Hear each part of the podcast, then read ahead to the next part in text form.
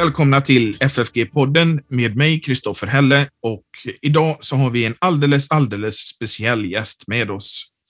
Och det är eh, Robert Kolb och därför kommer jag nu ändra språk till engelska och säga Welcome to our podcast, Dr. Kolb. Thank you, Christopher. How have you been since we talked about with you the last time? Um, busy. Uh, retirement isn't uh, a new set of tires, but it's uh, keeping moving on the old ones. But uh, it's uh, it's been fun. Yeah, you, you're you're keeping busy. I am. Yeah. You have anything to promote that you are in a book or? I'm I'm working on um, an understanding of Luther's under, of Luther's understanding of of reality as underneath the substance and accident uh, physics of Aristotle that he used, just like everybody else did in the 16th century, that he understood that the, the relationship of the creator to the creatures and the creatures among themselves that God created is really fundamental to, to viewing all the, the specific things that God designed. And uh, that doesn't alter the fact that God designed human beings, for instance, to, to work within the framework of the Ten Commandments, as an example, um, or to need sleep and and and eat and so forth. But um, but Luther saw as the key to understanding what's real in this world as the relationship between the creator and his creatures. So I'm hoping that by the end of 2022, that book is is uh, at a publisher. Okay, that sounds interesting. It's a product of of some lectures that I gave in 2017, and I'm pulling together now into one work.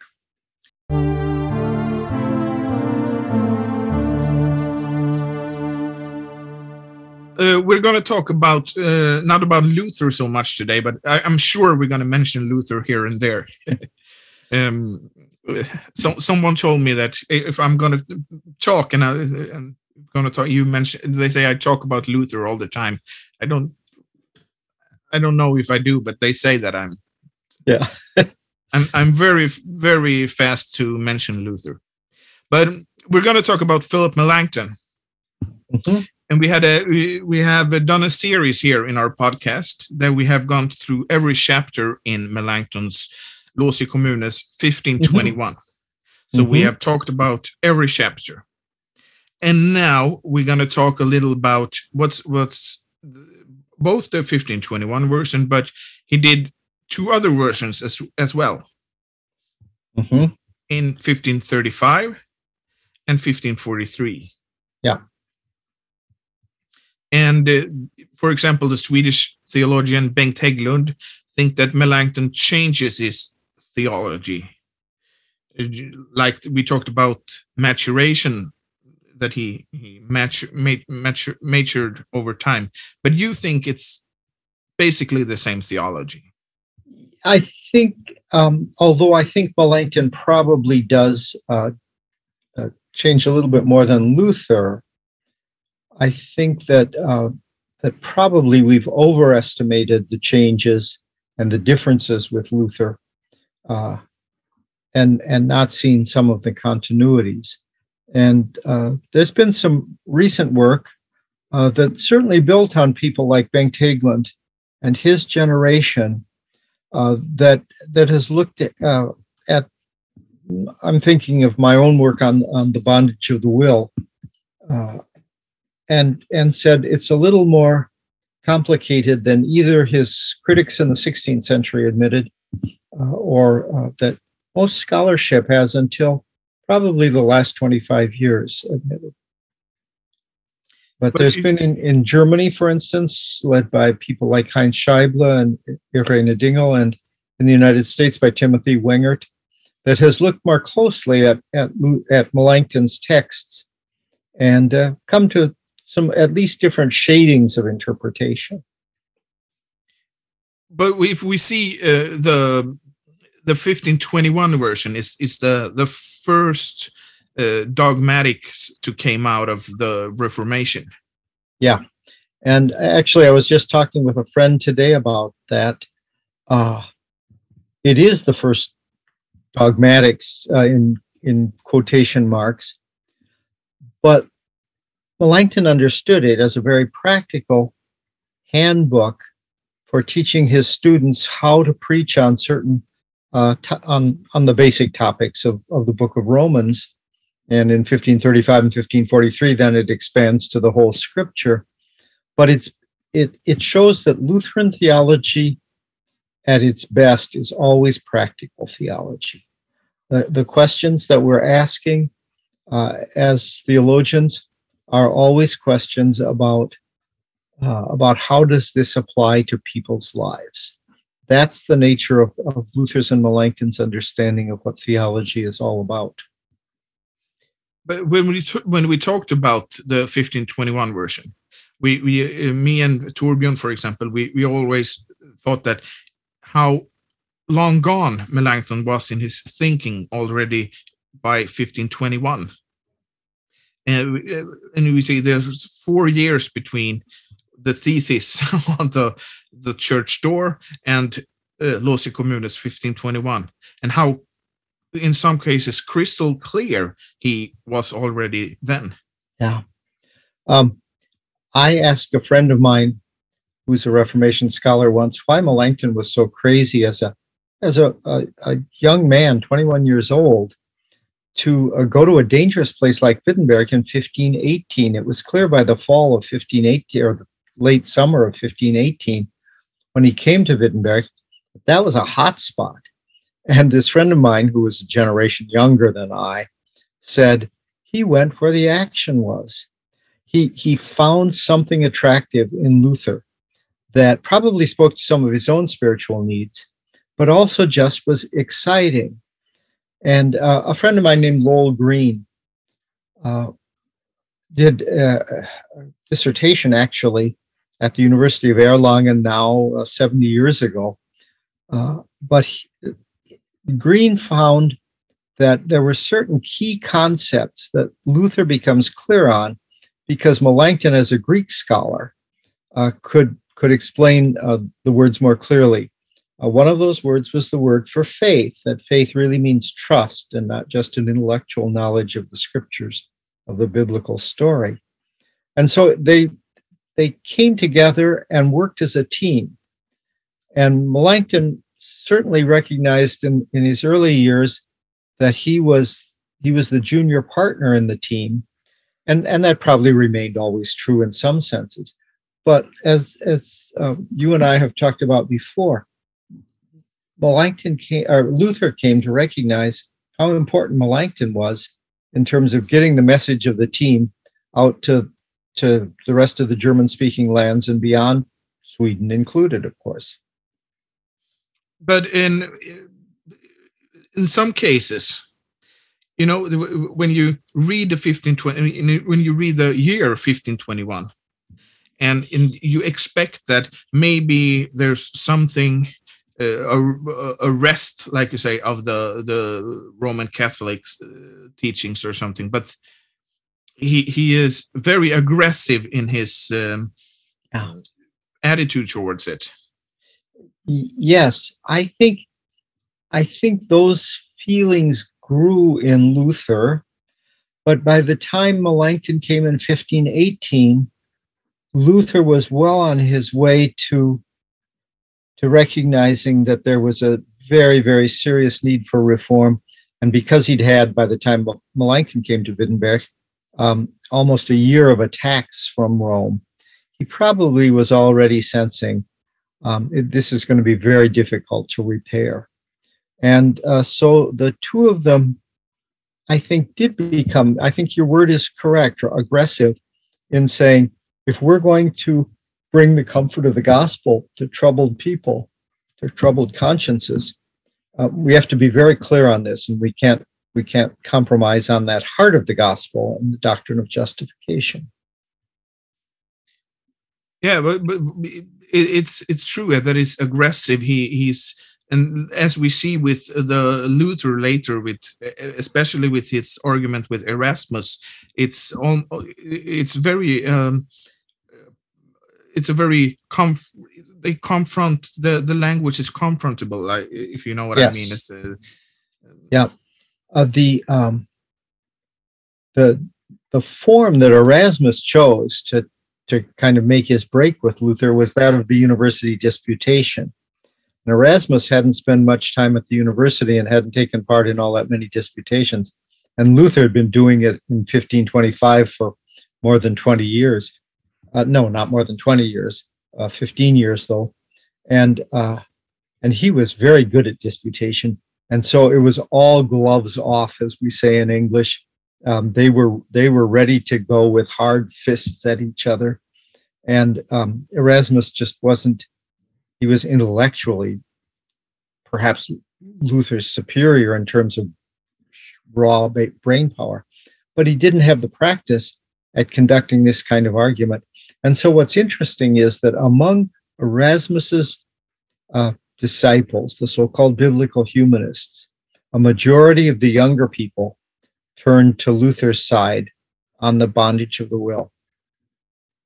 And uh, that shows how powerful Luther's arguments were, how much sense they made to the people who were dealing with the crisis of pastoral care at the end of the 15th, early 16th centuries and i think that says a lot because of the human nature wants to eh, doesn't want to hear that you have a bound choice like that yeah, yeah many people get very upset when you talk about the bondage of the will in that because they don't want to hear about it and that's right. and and their their reaction shows that the the bondage of the will is a correct teaching i think yeah we want to trust ourselves yeah. And and we are bound to do so unless the Holy Spirit frees us.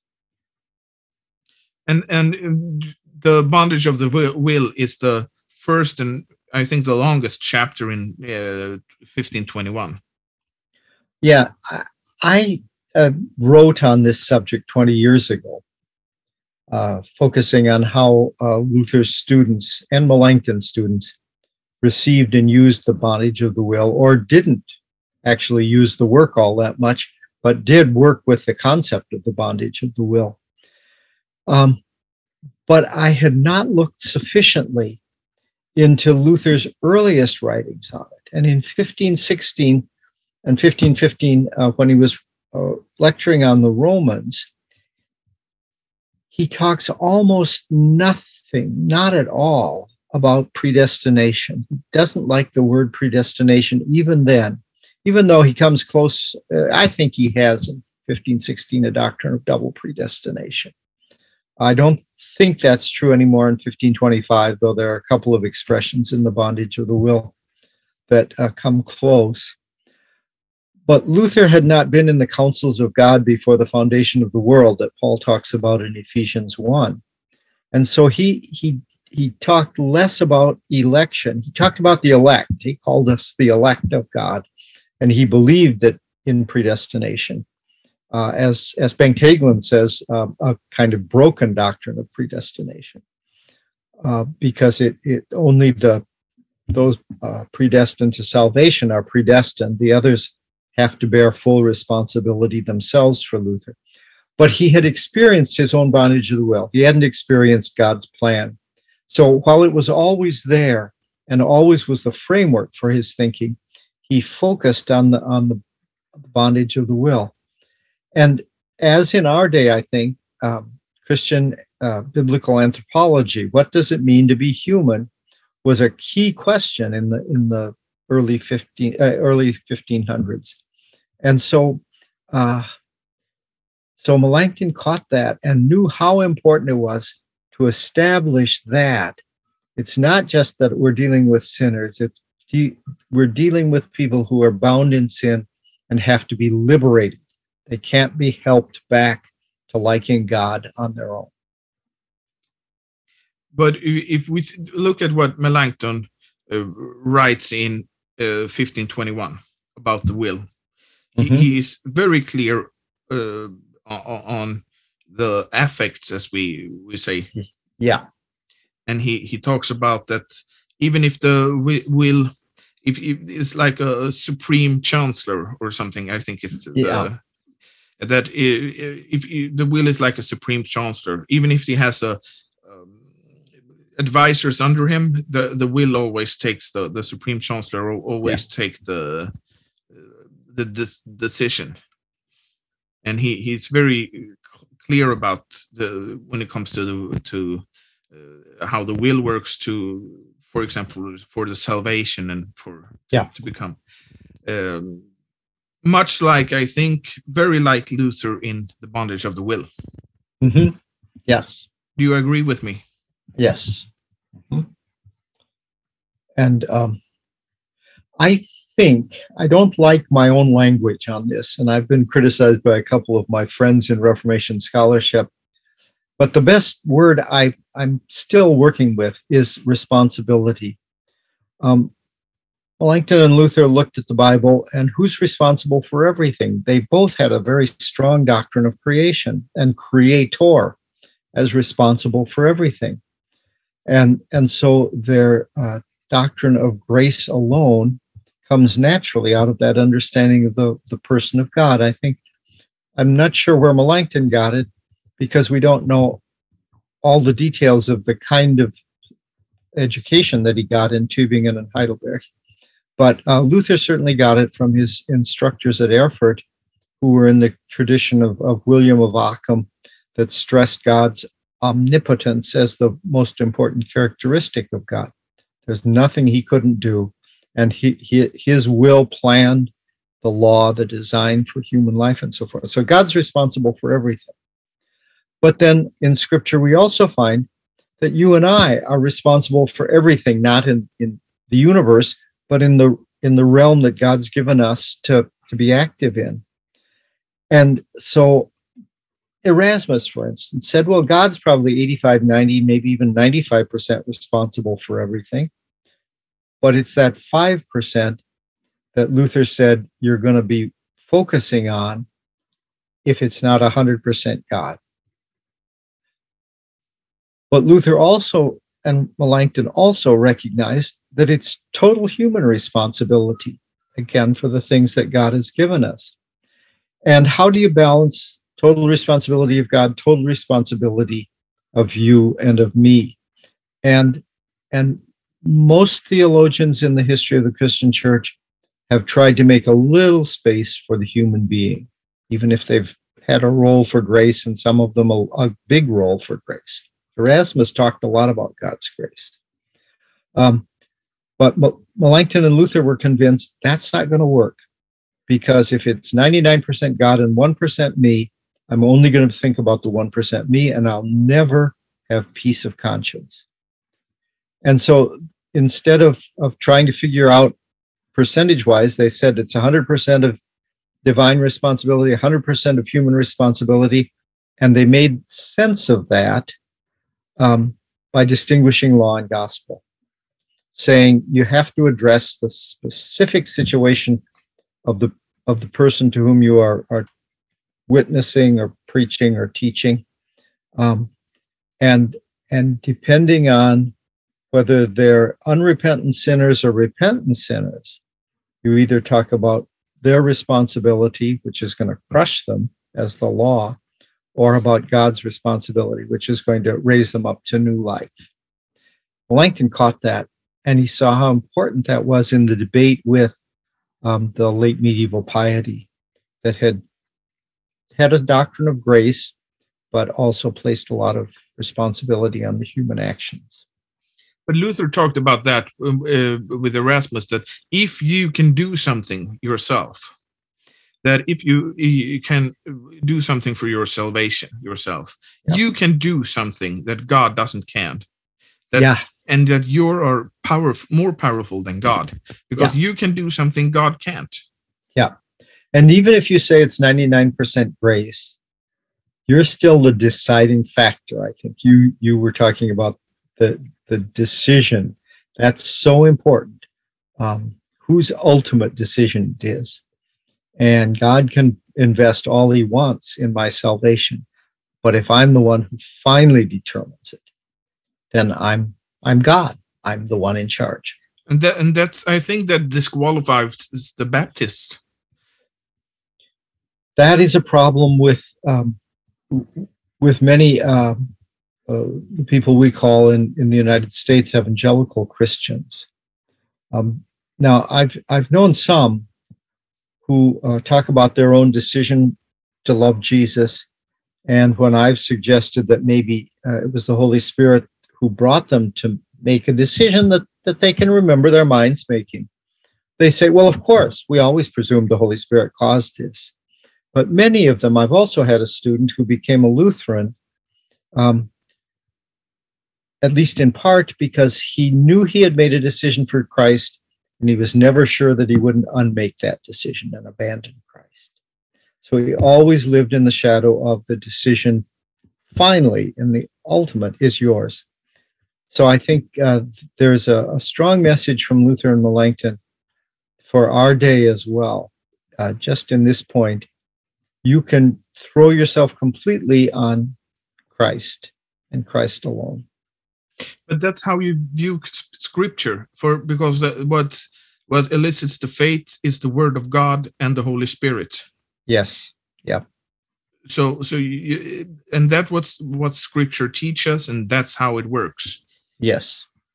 So and, and, and that that can change our eh, our our view of the will here in on this earth but but we we're never totally free. And i think melanchthon is clear on that in 1521 yes yeah. Uh, and and i think that um, you pointed out in our conversation before we started recording uh, in 1530 in the augsburg confession he says we have freedom in terms of horizontal things, and Luther talked about that as well. Um, but uh, but he does not say it's complete freedom. In the United States, we have a lot of people who think I'm free to do anything I want. Well, uh, by by the place where I was born, the United States of America, by the social class into which I was born, by my physical genetic makeup, um, there are just certain things that I will never be free to do. I will never be free um, to be the kind of basketball player that a, a six foot six uh, uh, person, um, uh, you know, I, am not a couple meters high and I can't dunk a basketball the way some uh, some people can. So our freedom is is limited in all sorts of ways uh, by by physical factors, by social factors, and so forth. So, uh, and Melanchthon and Luther were both quite realistic about that, I think. But in our postmodern society, with the relativism that, that's so it, it's uh, it's horrible to our society. You can identify as a two meter tall basketball player, and no one can question you. Yeah, um, and that and and that I think is the ultimate um, point taken about the bondage of the will. Yes. That, yeah. But you also have to note that that there's a an awfully high level of um, of psychological illness in our societies. There's there's just because of the stress that that kind of thing puts on people. Yeah, of course. That that if if I, if I uh, identify as something I'm I'm not, yeah. That, that that's uh, and and you can't question that. You you uh, i think it's like drug use or something uh, yeah. because uh, it, it never you, you, don't face reality. Yeah. And you it, run it, away from your problems. Yeah. And um, it's it's always important i think for human beings to recognize what they can do but if we don't recognize what we can't do, we're going to waste an awful lot of time. But but uh, to what Luther and Melanchthon teach about the bondage of the will, as we talked about earlier, this is a thing where the most the non-Christians take very much offense. Yes, uh, because uh, they don't have the kind of um, steadying force that our faith is. Uh, our faith gives us a framework in which we are truly free to, to operate as the human beings God made us to be. And that's something that people who think that the whole world's got to be in their own hands um, don't have. They are compelled, they are bound, they are enslaved uh, to their own abilities. And none of us has the ability to produce everything in life that we'd like to. If we see how, how dependent on Luther was Melanchthon here in 1521 and when we come to the will? I think very much so. Um, Melanchthon was reflecting uh, what what uh, Luther had had this had come to realize was the only solution to his own problems, and Melanchthon Melanchthon had the same feeling that that's the true liberation that Luther talked about in his On the Freedom of a Christian in 1520.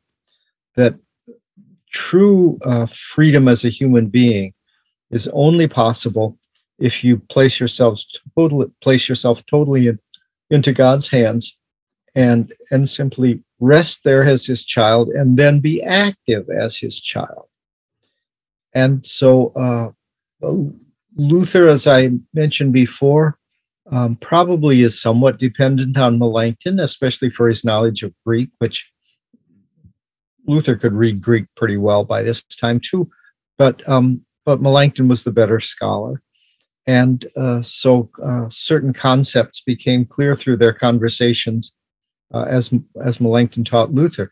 But then Luther's insights into the way scripture operates, for instance, with the bondage of the will, uh, that's just that's just a, a, liberating force for Melanchthon.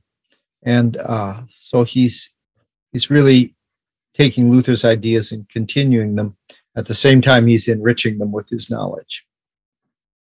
But um, then we go to the 1535, mm-hmm. and uh, Melanchthon starts to change a little bit, at least in his vocabulary. Larry.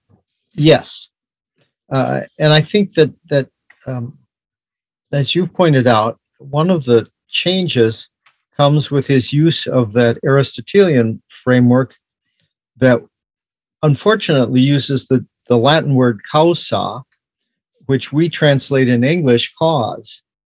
And so a cause is something that makes something else happen. And uh, and that's not really a, a very good translation of what Aristotle was doing. So I like to talk about the four fundamental factors of everything. And then there are sub factors. Uh, and and so there's there's the formal factor, which is sort of the design for what happens or for a thing, and then there's the efficient cause, and a subcategory of the efficient cause. That's cause in our our sense of what makes something happen or what creates a thing. Uh, is the instrumental cause, the the instruments or the tools that the efficient cause uses in making it. And then there's there's a those are are more or less active the design and the and the causer and then the third factor is the material cause uh, and that's what's being acted upon so if we were going to um, light a fire a campfire in the woods uh, the design might come out of some book for campers the uh, efficient cause would be you or or i as we uh, strike the instrumental cause the match the material cause is the is the wood that we're going to burn. Well, the word wood doesn't, in our sense of the word, cause the fire. Uh, but in a sense, it does because you couldn't have the fire without the wood. And then the final cause is uh, we want to be warm in the midst of the cold night in the woods, or or we want to roast our uh, Würstchen, uh, as the Germans would say, over the fire. Um, so um, everyone understood in 1535 that Melanchthon was not saying the will has a role, an active role in conversion. And uh, I first became aware that that something like that must be true when I was working on my doctoral dissertation, actually on Nicholas von Amsdorf, who was a friend of Melanchthon's, but a, a sharp critic on a number of issues. And one of those issues was uh, the issue of contingency. Um, to what extent is God in total charge and to what extent is he not? But he didn't criticize uh, the, the material, the will as a, the material cause of conversion because he understood it as a, as a passive factor, not an active actor um, in conversion. So a, a recent recent work um, that's going to be published soon, I hope, by uh, a North American named Christian McMullen uh, on the Holy Spirit, the doctrine of the Holy Spirit in the writings of Melanchthon. And McMullen shows uh, that wherever Melanchthon, or practically every place where Melanchthon talks about the activity of the will, um, the Holy Spirit is drawing the will. Some of his 16th century critics said, well, drawing isn't enough. You have to have him really recreating the will and, and so forth. Um, but Melanchthon was was trying to make sure that human responsibility was preserved and that people didn't say, well, I'm just going to sit here until God wants to save me. But when, when we come to the 35, Melanchthon means that um, the conversion uh, it's it's under the what do you say the the will works with the convention he says. With the convention? Yeah. The uh, the uh, I, am translating from swedish that the conversion uh, happens under the synergy of the will how so, so yeah. Yeah in other words um, it's not it's it's not just um, uh, a kind of magical thing. It's not a zapping, but but there is for adults at least an experience of the will's um, taking knowledge and and um, and human emotion and and uh, affects and uh, and coming to uh, that human commitment. Um, I once asked my students, uh, this, this, was popular language uh, among American uh, evangelicals uh, in the 1970s and 80s. Uh, when, when you were talking to a non Christian, you would ask them, um, Will you commit yourself to the Holy Spirit and to, to God and um, uh, and give your life to him. And my students knew that they were supposed to say, as Lutherans, no, the Holy Spirit does that. We don't do that. And I said, oh, so you don't want uh, the people you're going to be teaching and preaching to um, to commit their lives to Jesus and, and, and give give their lives to him. Well, I didn't want to say that either. And so it's this this wonderful um, coming together of the creator and the creature created in the creature's creator's image and and because we're created in the cre- creator's image uh, as creatures we do have knowledge and will and emotions and they do come together and we do um, note and experience but that experience is always governed by the recreative activity of the holy spirit holy spirit it doesn't happen without the Holy Spirit's uh, really doing an act of recreation. Luther talked about about coming to the uh, faith in the promise of the gospel as a repetition of Genesis one. God worked through the Word then, and He's working through the Word when He brings us to faith. But the the, the um, the enemies of Melanchthon, so to say, at that time. Yeah. They say that you can do bad things and just wait for the Holy Spirit to awake you. And that's when Melanchthon says that, that the will works with the convention. Yeah. But but I think that's that's wrong, and that's not the same thing that he teaches in 1521. Well, he's because not making that point in 1521 yeah but it, it's still the you, don't i think the only thing that you can do yourself is to read scripture and pray Yes. But he's not really in 1521 going into uh, what we might call a psychological side, the experiential side. That part he's sort of taking for granted or, or ignoring um, because he was really focusing on, uh, well, what medieval uh, pious theology, uh, theology and piety had actually demanded in terms of of what we do. So he was he was I think his pastoral spirit is is uh, very strong, just like Luther's was. He's trying to to um, do this law gospel thing um, and and bring what people need to hear. So he doesn't want them just to say, "I'm going to sit back and wait for the Holy Spirit."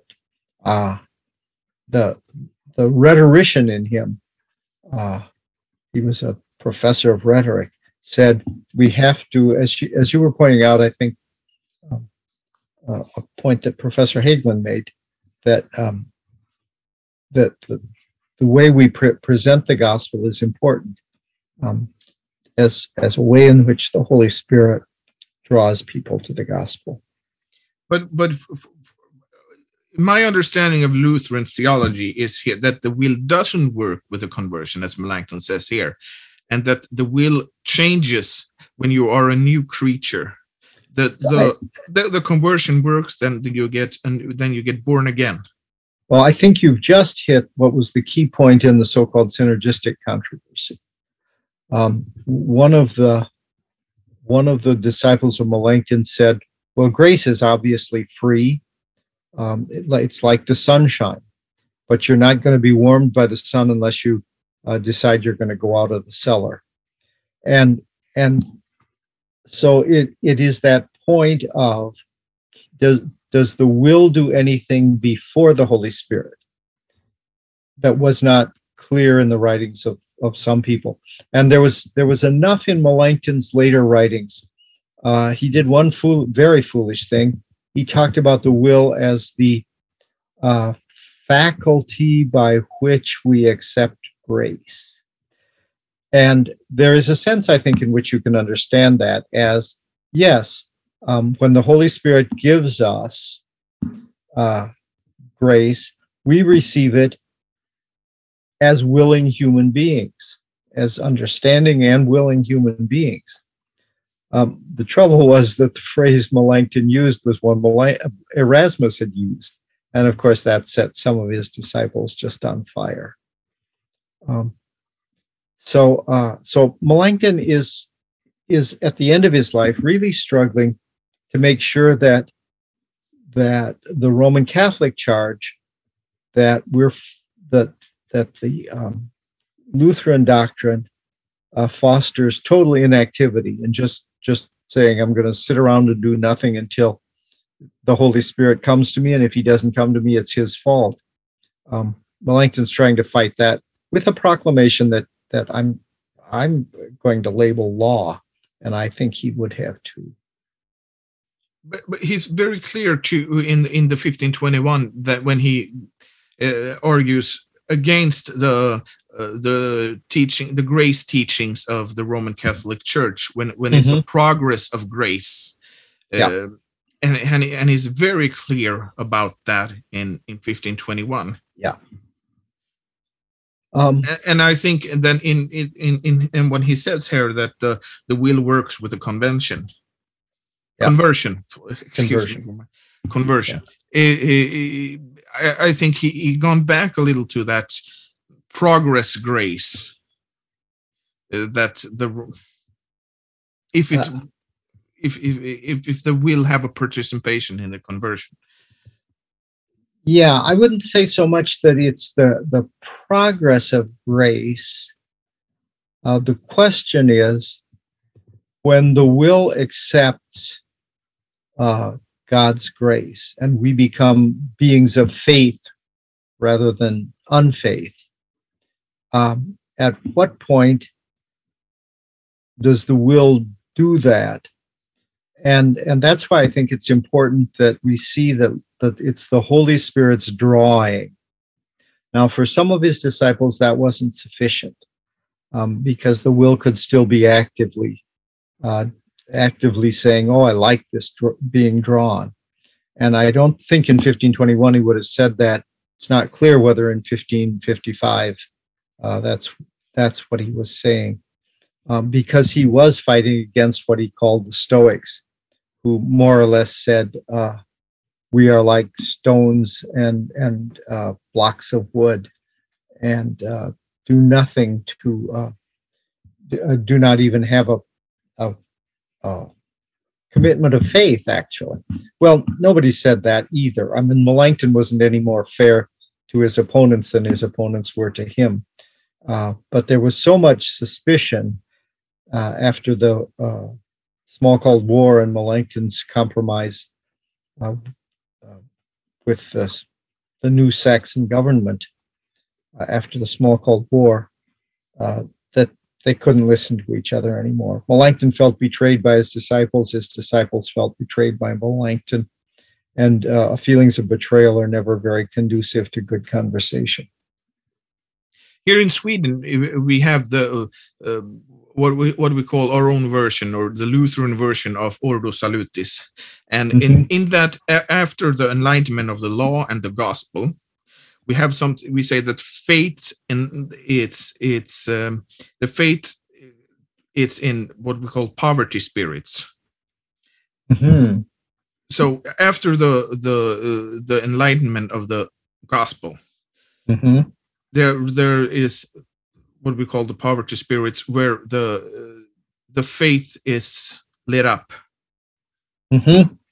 and that's when you come to the conclusion that uh, i have nothing the, and, and this is a re- result of the holy spirit of course i have mm-hmm. nothing and jesus has everything yeah and i think that that is a little against what melanchthon teaches here in when he says that the will is under the influence of the, the the conversion is under the influence of the will. See it's it's precisely that point that that i don't think uh, he's clear enough especially in his later years. Um, nicholas von amsdorf did not read him in that way in 1535 uh, luther did not read him that way in 1535 whether he's that way in 1555 um, is is what's uh, not as clear, I think. Uh, but he's still emphasizing the drawing of the Holy Spirit. Um, and his critics are saying drawing isn't enough. It's an act of recreation. And that language Luther, uh, Luther uses, but Melanchthon, I don't think, uh, does in the 1550s at all. I've not encountered it in him but, but but if the faith is is lit up in the poverty spirits as we say here mm-hmm. and and then the, the it's the conversion and and the rebirth. And i think that's you can't say you can't say that the will has a participation in that. And i think that is uh, in in the back of the head of professor Hägglund as well. And and certainly of of melanchthon's uh, 16th century critics uh, but then the question comes is it like the deposit of grace in the, in the Middle Ages with the sacraments? That you're not participating uh, in any way, shape, or form, uh, but that all of a sudden there's something in you uh, that then can be uh, lit up. And I think that's why Luther himself never tried to develop an Ordo Salutis. Most of his disciples even when they did, uh, didn't make it a doctrinal kind of issue, simply because uh, Luther certainly saw the uh, the coming to faith as a miracle that doesn't sort out into uh, you've got to you've got to follow this strict order. Um, so, for instance, in, in one of the people that I've worked on, Cyriacus Spangenberg, uh, in Romans 8, he says there's a sort of what we would call an ordo salutis here, um, but it never becomes a, a, kind of dogmatic thing for him. Uh, he's he recognizes that the word uh, is the instrument by which the Holy Spirit uh, transforms. I think recreates isn't too strong a word for for uh, Luther certainly, um, and and many of his disciples. The, the, there's a, an act of recreation, and what's being recreated? The mind, the will, and, and the emotions. The human being. But uh, the will is not fully recreated here on Earth. Well, it it is and it isn't for Luther. Um, he doesn't actually go into it in those terms, but that you raise a good question. No, because the will is always in the midst of this struggle that Paul describes in Romans 7 or in Colossians 2 and 3, where we are, are baptized and therefore raised with Christ, and yet we still have to put to death the, the, the, will of the flesh. And so there's that struggle there. But but, but but but but even if you go back to Augustine, he has the four uh, stages, uh, or what do we call it, of, of, the will. And I think in at least in 1521, Melanchthon agrees with him. Um, I think probably Melanchthon would have agreed with that schema throughout his life, but that that still doesn't answer the kind of question that had become key uh, for Luther, I think already, but certainly then after the Smalcald War. Um, exactly how does the Holy Spirit interact with using the word? How does the Holy Spirit interacting with the uh, will uh, make that happen? And th- so there are really two questions. What's the role of the Holy Spirit? What's the role of the will? Can the will be totally inactive? The will has to be totally inactive. Not, not, and and I think um, the Melanchthon's opponents would say that will's not only inactive; it's hostile until yeah, it's yeah. recreated. Um, but uh, but is the will recreated? Then it, does the will become active um, in as the Holy Spirit is converting? Yes, it does. And uh, that's precisely the point that, that they argued about. One was concerned that the grace of God wasn't going to be totally clear. The other side was concerned that human responsibility wasn't going to be taken seriously. But you have to fear, love, and trust in God to have faith. And and uh, so if if the human mind, emotions, and will aren't fearing, loving, and trusting, uh, faith isn't there.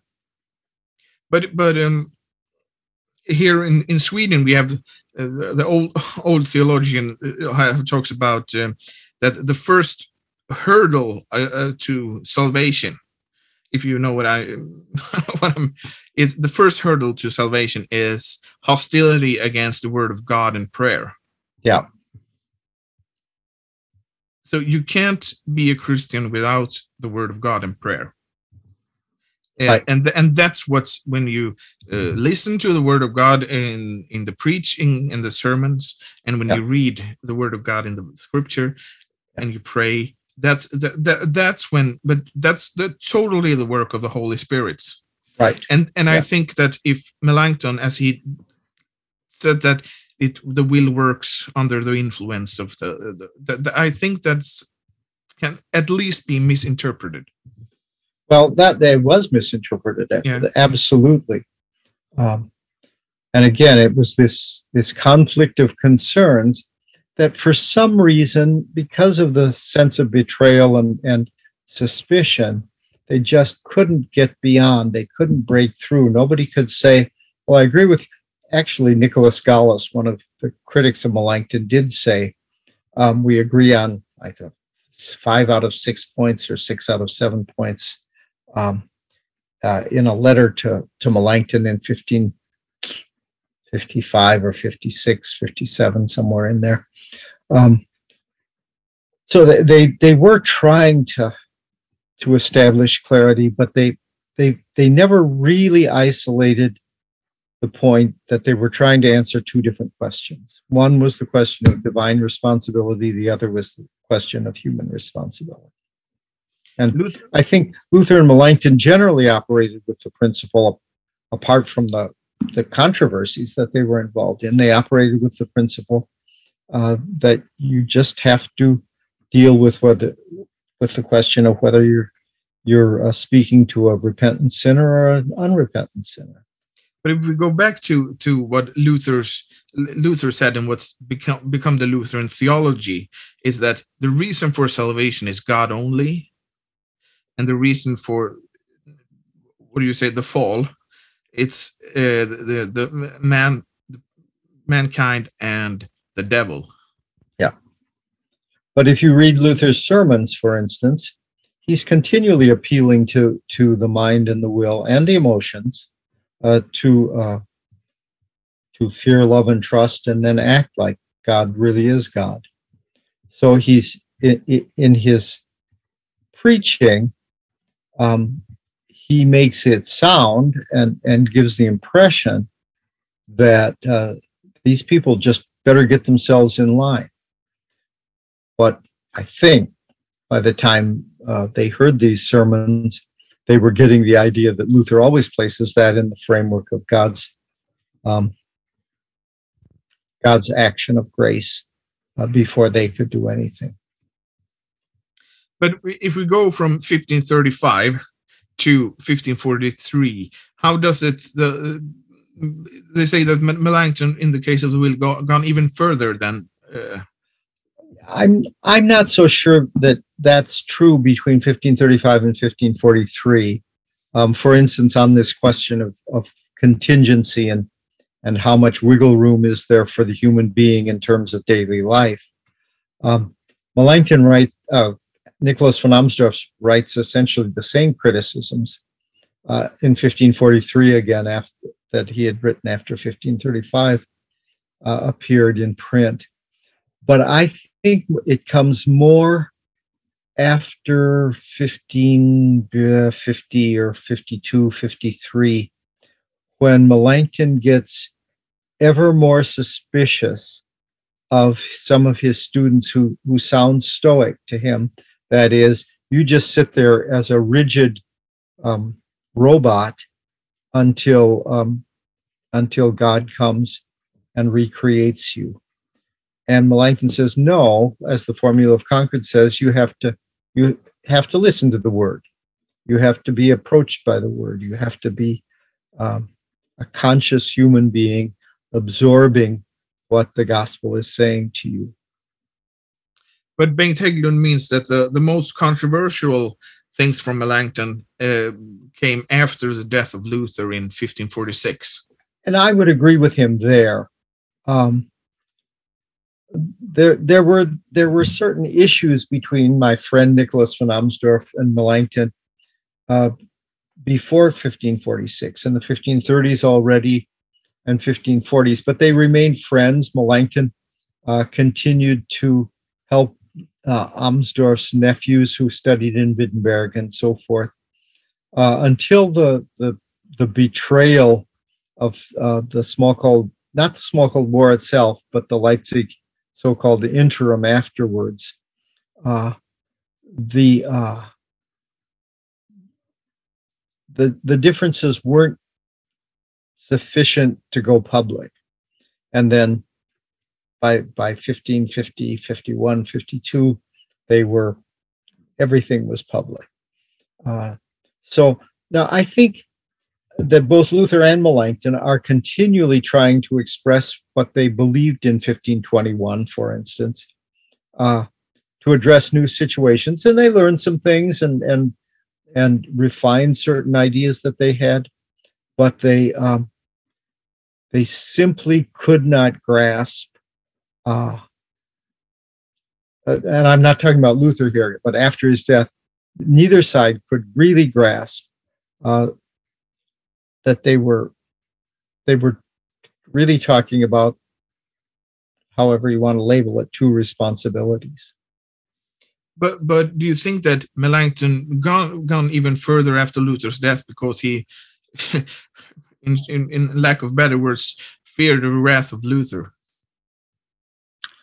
i don't think so um i there, there's one passage in a, a letter that's rather controversially worded, where he talks about how um, uh, about Luther's anger and so forth in his old age.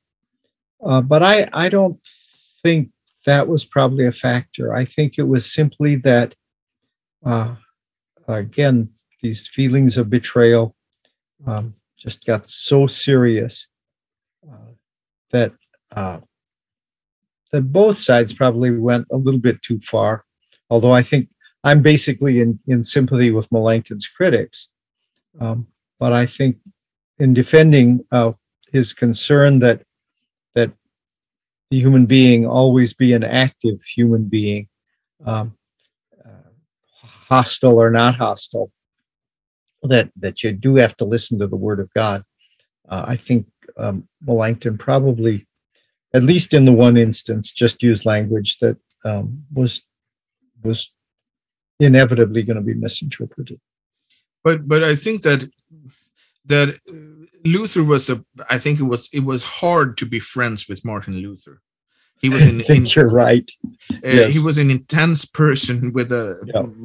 with an endless amount of energy and yeah. I, I, so his his students just admired him beyond beyond admiration.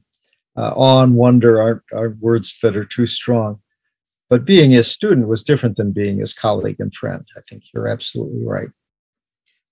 And that that you you thought very careful before you said something that Luther could. Um, uh, I um, don't have that impression. I think uh, when you read the table talk, for instance, um, nobody said, well, Martin, you're just absolutely wrong there. But there was a pretty free flow back and forth of um, not criticism, but but let's are, are you really sure you want to say that? Let's look at it from another angle and that sort of thing.